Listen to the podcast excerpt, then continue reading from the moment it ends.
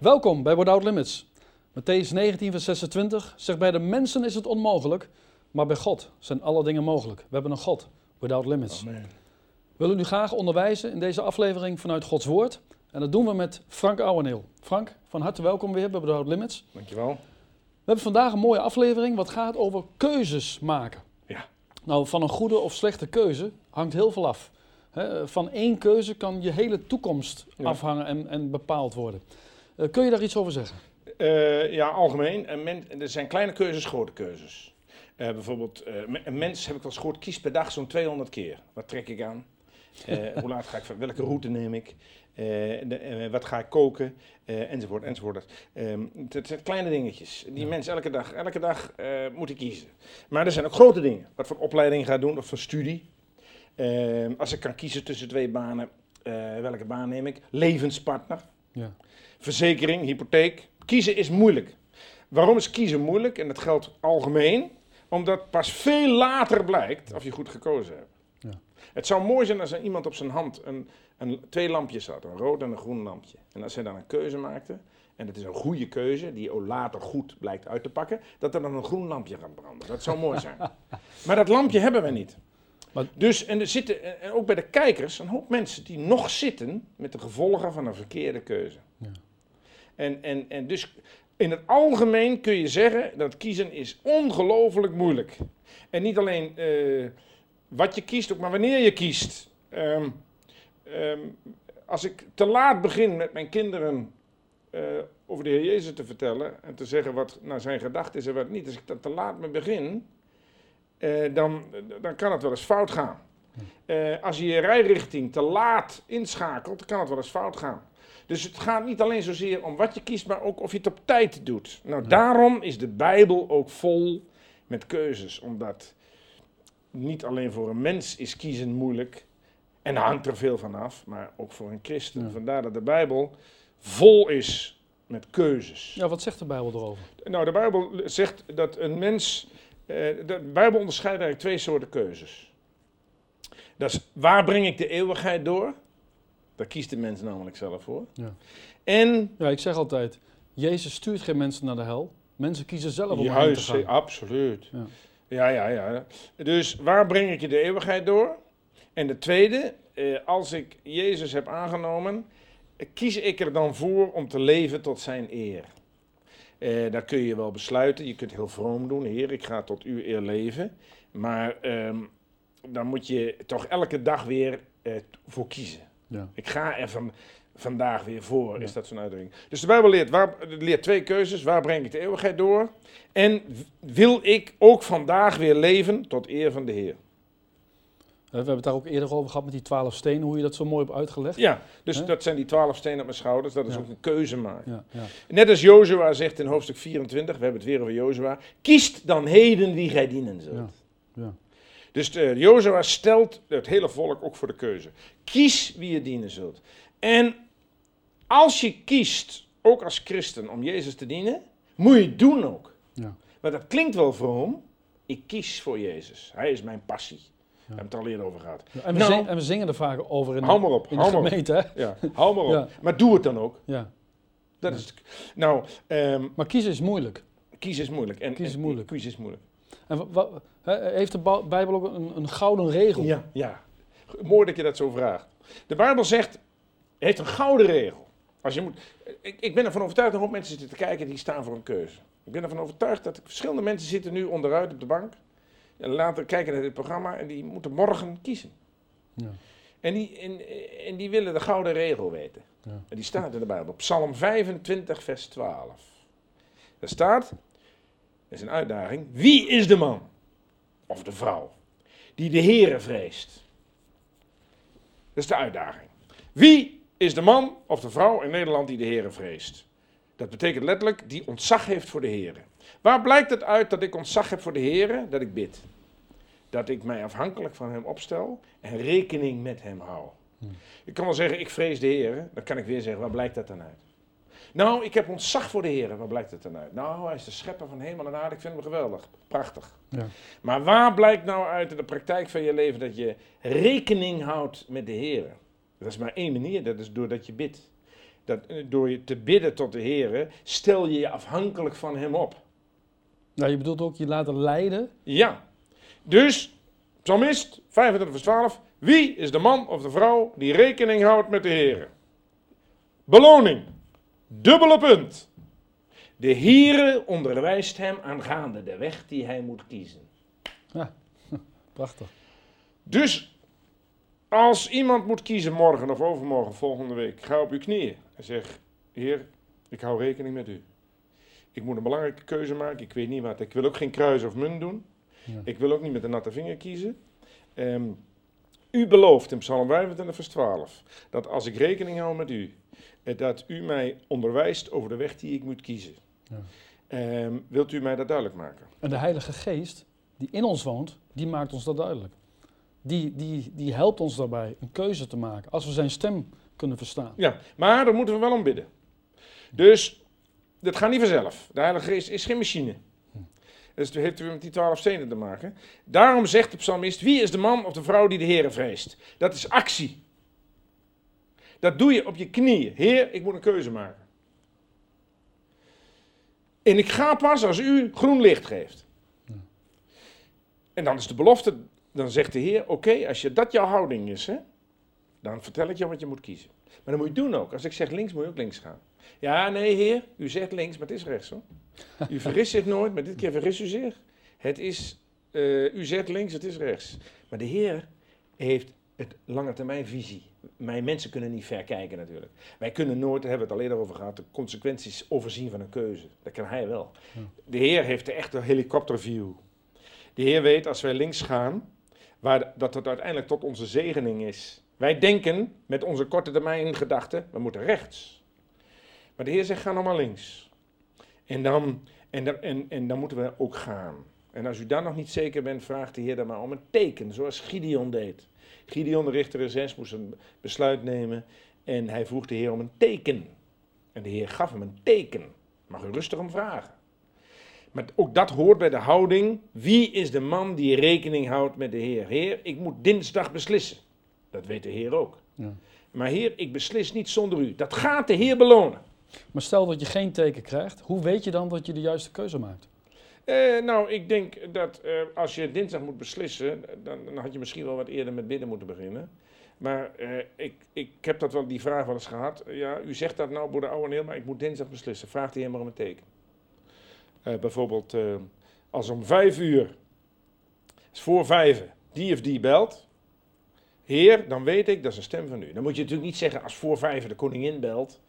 Eh, want eh, dat moet wel, moet wel redelijk zijn. Maar als voor vijf uur die en die broeder of zuster of die of die familielid belt, Heer, dan weet ik, dat is een teken van u, dat ik dat en dat moet doen. Als die niet belt voor vijf Heer, dan weet ik dat ik het niet moet doen. Dat deed Gideon ook. Gideon eh, kent dat wel van dat, van dat schapenvel. Hij, hij zegt tegen de Heer: Heer, als het gras nat is en het schapenvel droog, Ja. dan weet ik het. En dat deed de Heer. Dat is natuurlijk een wonder. Gras nat, schapenvel droog. Maar zegt Gideon, ik geloof het nog niet helemaal. Nu even andersom. Schapenvel nat, gras droog. Deed de Heer ook. Toen is Daniel, Gideon het. Ja. Dus Richter 6 is een teken dat wij om een te- is, is een, geeft aan dat wij om een teken mogen vragen. Ja. Heer, ik moet, ik moet, ik, bij wijze van spreken, ik moet linksaf. Maar ik weet niet of het goed is. Heer, als ik rechtsaf moet, hè, wilt u dan zorgen dat voor vijven die, je- die belt. Dan weet ik dat, dat ik rechtsaf moet. Dan kun je zeggen dat is goedkoop. Nee, dat is een houding. Heer, ik wil het besluit nemen wat u wilt dat ik neem. Ja. Ik wil rekening houden met u, maar heer, maar ik ben maar een zwak mens. Mens, ik heb een teken nodig. Maar ik geloof wel, ik geloof absoluut dat de Heer dan ook een teken wil geven en ook Ja. gaat geven. Maar ik denk wel dat je dan ook wel zuiver in de dingen moet staan en echt oprecht met je hart dat ook willen gaan doen. Ja, dat is, de, dat is een heel belangrijk punt. Want als de heer dan dat teken geeft, dan kan het zeggen, ja, maar heer, daar heb ik helemaal geen zin in. U zegt dat ik linksaf moet, maar daar heb ik helemaal geen zin in. En daarom, ik ben blij dat je die vraag stelt, in Psalm 119 zegt de psalmist, ik kies de weg der waarheid, ik stel uw verordeningen voor mij. Met andere woorden, Heer, als u mij duidelijk maakt dat ik dat en dat moet doen, doe ik het. Psalm 119, vers 30. En, en onderscheidt de Bijbel verschillende soorten keuzes? Ja, dus, ehm, dus de eerste keuze die de Bijbel onderscheidt is dat elk mens ook die u die nu kijkt en nog geen keuze voor de Heer Jezus hebt gemaakt, waar breng ik de eeuwigheid door? Dat een mens eeuwig voortbestaat, daar zijn we het allemaal over eens. Sommige mensen zeggen met de dood is alles uit, dat kan helemaal niet. Want materie verdwijnt niet. De Bijbel zegt in Hebreeën 9, het is de mensen gezet eenmaal te sterven en daarna het oordeel. Ja. Ik zou dus ook maar dat risico niet nemen. En waar u die eeuwigheid doorbrengt, in de hel of in de hemel, laten we maar even duidelijk zijn, dat beslist u zelf. Ja, daar mag iedereen zelf voor kiezen. En daar is een mooie geschiedenis, dat ken je wel, die geschiedenis in Matthäus 27. Dat eh, Pilatus, die wilde in, de, eh, in het feest de gevangenen loslaten. Weet je wel hè, groot feest. Nu, de stadhouder was gewoon bij elk feest de gevangenen los te laten, ter keuze van de scharen. En links van Pilatus stond Barabbas, een, een moordenaar. En rechts van Barabbas stond Jezus. En hier stond dus Pilatus, de Romeinse stadhouder. Daar staat Barabbas, grote boef. En links stond Jezus. En dan zegt Pilatus tegen een, eh, een- duizenden mensen: Wie kiezen jullie? Wat zegt hij? Wie wilt gij dat ik u loslaat? Wie kiezen jullie? Kiezen jullie deze boef of kiezen jullie deze man, de zoon van God, die alleen maar goed heeft gedaan, 33 jaar lang, die zieken heeft genezen, die doden heeft opgewekt, eh, die alleen maar liefde bewezen heeft? Wie kiezen jullie? En die hele schare, eh, massaal, kiest voor de moordenaar. Hoe kan dat? Eh, eh, zij wilden Jezus niet. Zij, zij, zij zeiden, ehm, Jezus moet gekruisigd worden. En dat komt omdat een mens, er ge- ge- ehm, omdat, uiteindelijk de Satan zal proberen te verhoeden dat iemand het geluk kiest. Want ook, vanavond, ook, ook in deze uitzending kunnen we zeggen tot de, tot de mensen die nog nooit gekozen hebben, wie kiest u? Kiest u Barabbas of kiest u Jezus? Ehm, kiest u Barabbas, dan gaat u verloren. Want eh, eh, eh, hij, hij, is een hij is een werktuig van de Satan. En, en, u gaat verloren. Ik heb al gezegd, Jezus zegt in Johannes 8, gij hebt de duivel tot vader. Barabbas betekent ook zoon van een vader. Barabbas, zoon van een vader. Elk mens die, die kiest voor de Satan, zal ook daar terechtkomen waar de Satan verloren terechtkomt, in de hel. Want de hel is gemaakt voor de Satan. Dus als iemand tegen Jezus kiest en hij kiest voor Satan, komt hij ook daar terecht waar de Satan terechtkomt, in de hel. De hel is niet gemaakt voor mensen, maar voor de Satan. Maar, elk mens moet kiezen voor Jezus.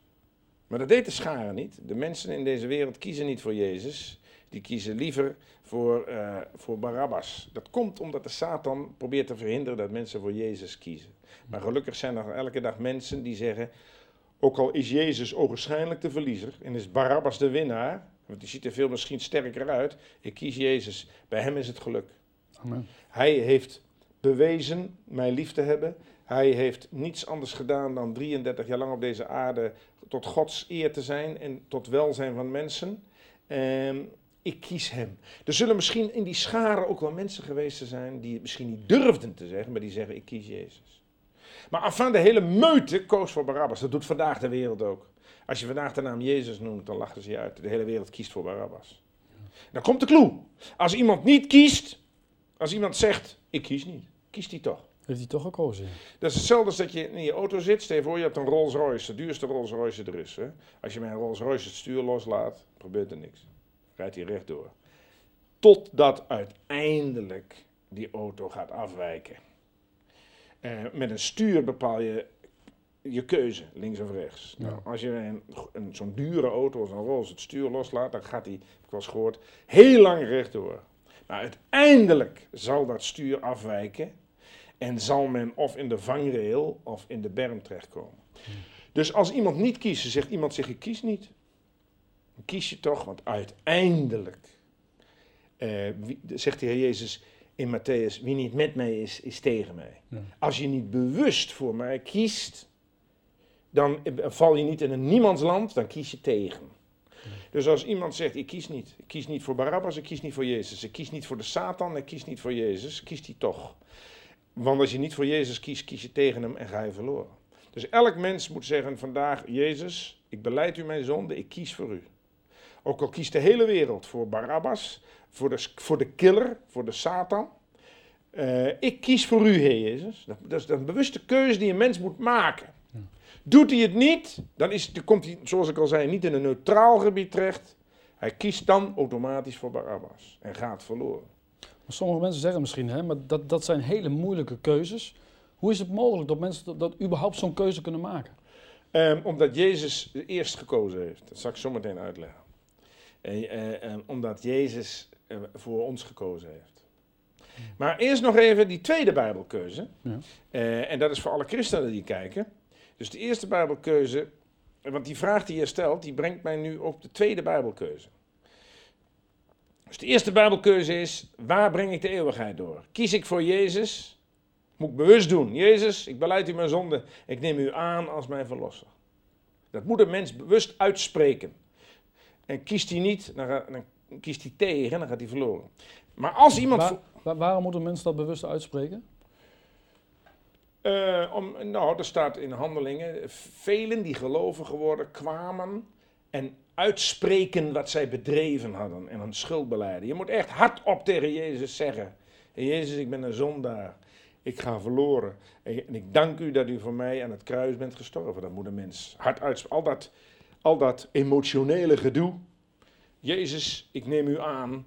Eh, dat, dat, een mens moet werkelijk hardop beleiden dat hij Jezus nodig heeft. Dat is, hij moet hardop kiezen, ook al is hij alleen.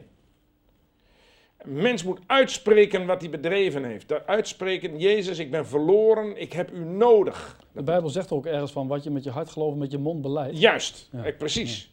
Dus ook al ben je alleen, als u vanavond hier bent, u kijkt naar deze uitzending, u bent alleen, u wil voor Jezus kiezen. Zeg hardop, Jezus, ik ben een zondaar. Zonder u ga ik verloren. Ik dank u dat u ook voor mij aan het kruis bent gestorven. Ik kies bewust voor u. Dat is kiezen voor de eeuwigheid. Amen.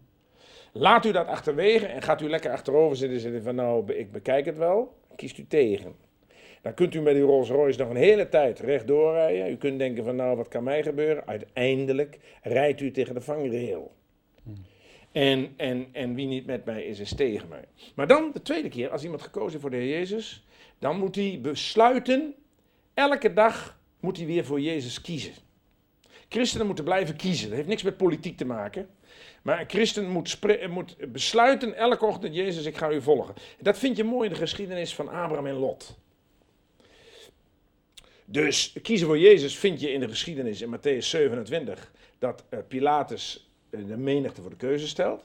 Maar die keuze die een christen elke dag moet maken, vind je mooi bij Abraham en Lot in Genesis 13. Eh, weet je wat, Abraham en Lot, die hadden ruzie. Die, kne die, die, die knechten van Abraham en Lot, die hadden ruzie. En dan zegt Abraham, luister eens, wij moeten, onze wegen moeten maar gaan scheiden. Want het wordt niks zo samen. En dan staan ze daar, bovenop een berg. en dan zegt Abraham in Genesis 13, vers 9, ligt het hele land niet voor u open? Scheid u toch af van mij. Het zijn naar links, dan ga ik naar rechts. Het zijn naar rechts, dan ga ik naar links. Eigenlijk had Lot tegen Abraham moeten zeggen, nou, u bent ouder, kies u maar eerst. Maar nee, Abraham is een lieve jongen en die, die zegt tegen Lot, nou, kies maar. Dus je moet voorstellen, dat schouwspel, daar staan Lot en Abraham, die staan boven op die berg. En uh, die, kies, die gaan kiezen. Er zijn twee gelovigen. Mooi beeld. Abraham is duidelijk. Hij geloofde God en het wordt tot gerechtigheid gerekend. Van Lot kun je nou niet zeggen dat was een gelovige. Toch zegt de Bijbel dat hij het was. Er staat in 2 Petrus 2, vers 7, wordt gesproken over de rechtvaardige Lot. Als dat niet in 2 Petrus 2 zou hebben gestaan, zou je gedacht hebben, nou die Lot, dat is geen christen. Maar kennelijk wel, want de Bijbel noemt hem een rechtvaardige Lot. Dus die Abraham en Lot die boven op de berg staan, die staan allebei voor een keuze. Wat gaan ze kiezen? Nou, eerst Lot, vers, 10. Toen sloeg Lot zijn ogen op en zag dat de hele streek van de Jordaan, dus de doodsrivieren, rijk aan water was, voordat de heren Sodom en Gomorra, het toonbeeld van kwaad, verwoest had, was hij tot Zoar toe als de hof des heren. Dus het zag er heel christelijk uit. Dus eh, Lot die gebruikte zijn ogen, die bad niet eerst, heer, moet luisteren, ik sta voor een belangrijke keuze. Nee, die zag, die, zag, die zag, dat ziet er interessant uit. Dat ziet er goed uit. Hij, hij, hij vergat even dat de Jordaan een doodsrivier was. Hij vergat even dat daar Sodom en Gomorra lag. Dat was toen al duidelijk een, een zondige eh, eh, eh, bedoeling. Maar het zag er allemaal heel christelijk uit. Want staat er, het was tot zowaar toe als de hof des heren. En vers 11, dus koos Lot voor zich de hele streek van de Jordaan. En brak op naar het oosten. Altijd als er in de Bijbel over het oosten gesproken wordt, gaat het over de zonde. Zover het oosten is van het westen. De, in de tabernakel, de ingang, de poort was aan het oosten. Daar kwam de zondaar binnen. Overal in het oosten spreekt van de zondaar. En daar ging Lot wonen. En soms, hè, als ik dan eh, dat even mag vertalen naar deze tijd. Wij hebben ook wel eens keuzes die we moeten maken. En dan soms lijkt iets heel mooi en heel goed.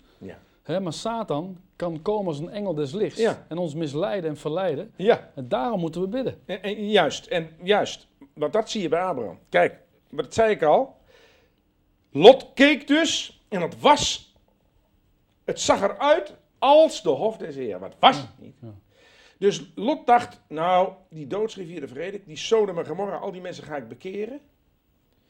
En het ziet er heel christelijk uit, want alle auto's daar rijden met visjes op. dus hij bad niet, hij, hij maakte zijn redenering, hij, hij streepte weg en hij ging daar naartoe en koos de streek van de Jordaan. En dan staat er in vers 13, de mannen van Sodom nu waren zeer slecht en zondig tegenover de Heren. Moet je opletten. Die Lot kiest voor Sodom en Gomorra en verliest gelijk zijn kinderen. Want als zijn, eh, nee, eerst als hij daar gaat wonen, komen de mannen van de stad en die willen met hem feest vieren. De homofilie eh, wordt voor het eerst genoemd in de Bijbel in Sodom en Gomorra. Dus die mannen die willen Lot naar buiten en die willen een feestje bouwen. Het tweede is, hij verliest zijn kinderen, want hij wil ze, met ze spreken over God. En dan staat er, Lot was in hun ogen als iemand die grapjes maakte. Dus Lot die sprak over God en hij was in, letterlijk staat er, hij was in hun ogen als iemand die schertste. Zo van Lot, hou op, we wonen hier veel mooier, we hebben God niet nodig, het is hier geweldig. Hij kon zijn kinderen al niet meer bereiken. En het derde wat hem gebeurt, zijn vrouw wordt een zoutpilaar. Dat is ook niet leuk, als je vrouw een zoutpilaar wordt. Dat is niet leuk. En het vierde, zijn dochters. Aan het einde van zijn leven voeren zijn dochters hem dronken. En die worden zwanger van hun eigen vader. En de ene dochter baart Ammon en de andere dochter baart Moab. En dat waren de grootste vijanden van de Israëlieten.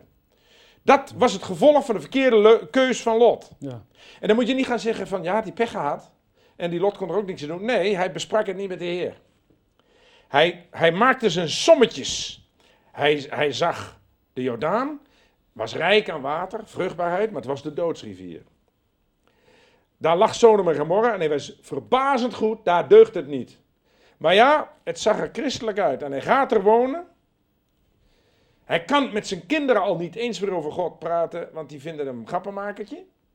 Hij, ehm, hij eh, wordt geconfronteerd met mensen die eh, homofiele zonde, sodomie, dat woord kennen wij, sodomie. Zijn vrouw wordt een zoutpilaar en zijn dochters worden zwanger van hem en baren de grootste vijanden van Israël. Dat is het gevolg van de verkeerde keuze. Nou, Abraham stond ernaast. Abraham had weinig meer te kiezen, want wat er overbleef was dor en droog. Dus, dus Lot koos wat er, wat er interessant uitzag. Korte termijn visie. Vers 12. Abraham bleef wonen in het land Canaan. En wij weten van Abraham dat hij alles met de Heer overlegde. Het staat er niet, maar het blijkt later dat Abraham alleen maar gezegend wordt. Maar wat er voor ogen was, was niet interessant. Het was een dorre, droge, onaantrekkelijk uitziende afdeling. Wat gebeurt er in vers 14? Hij komt de Heer tegen. Wauw, lees je niet van Lot. En de Heere zeide tot Abraham. Dus Abraham bleef wonen in het land Canaan. Je kunt zeggen, ja, hij had geen keus. Maar ik ben ervan overtuigd, het staat er niet. Maar dat Abraham gebeden heeft, Heer, wat Lot ook kiest, ik weet het niet. Maar ik wil mijn keuze maken met u. En u moet mij maar duidelijk maken wat ik moet kiezen.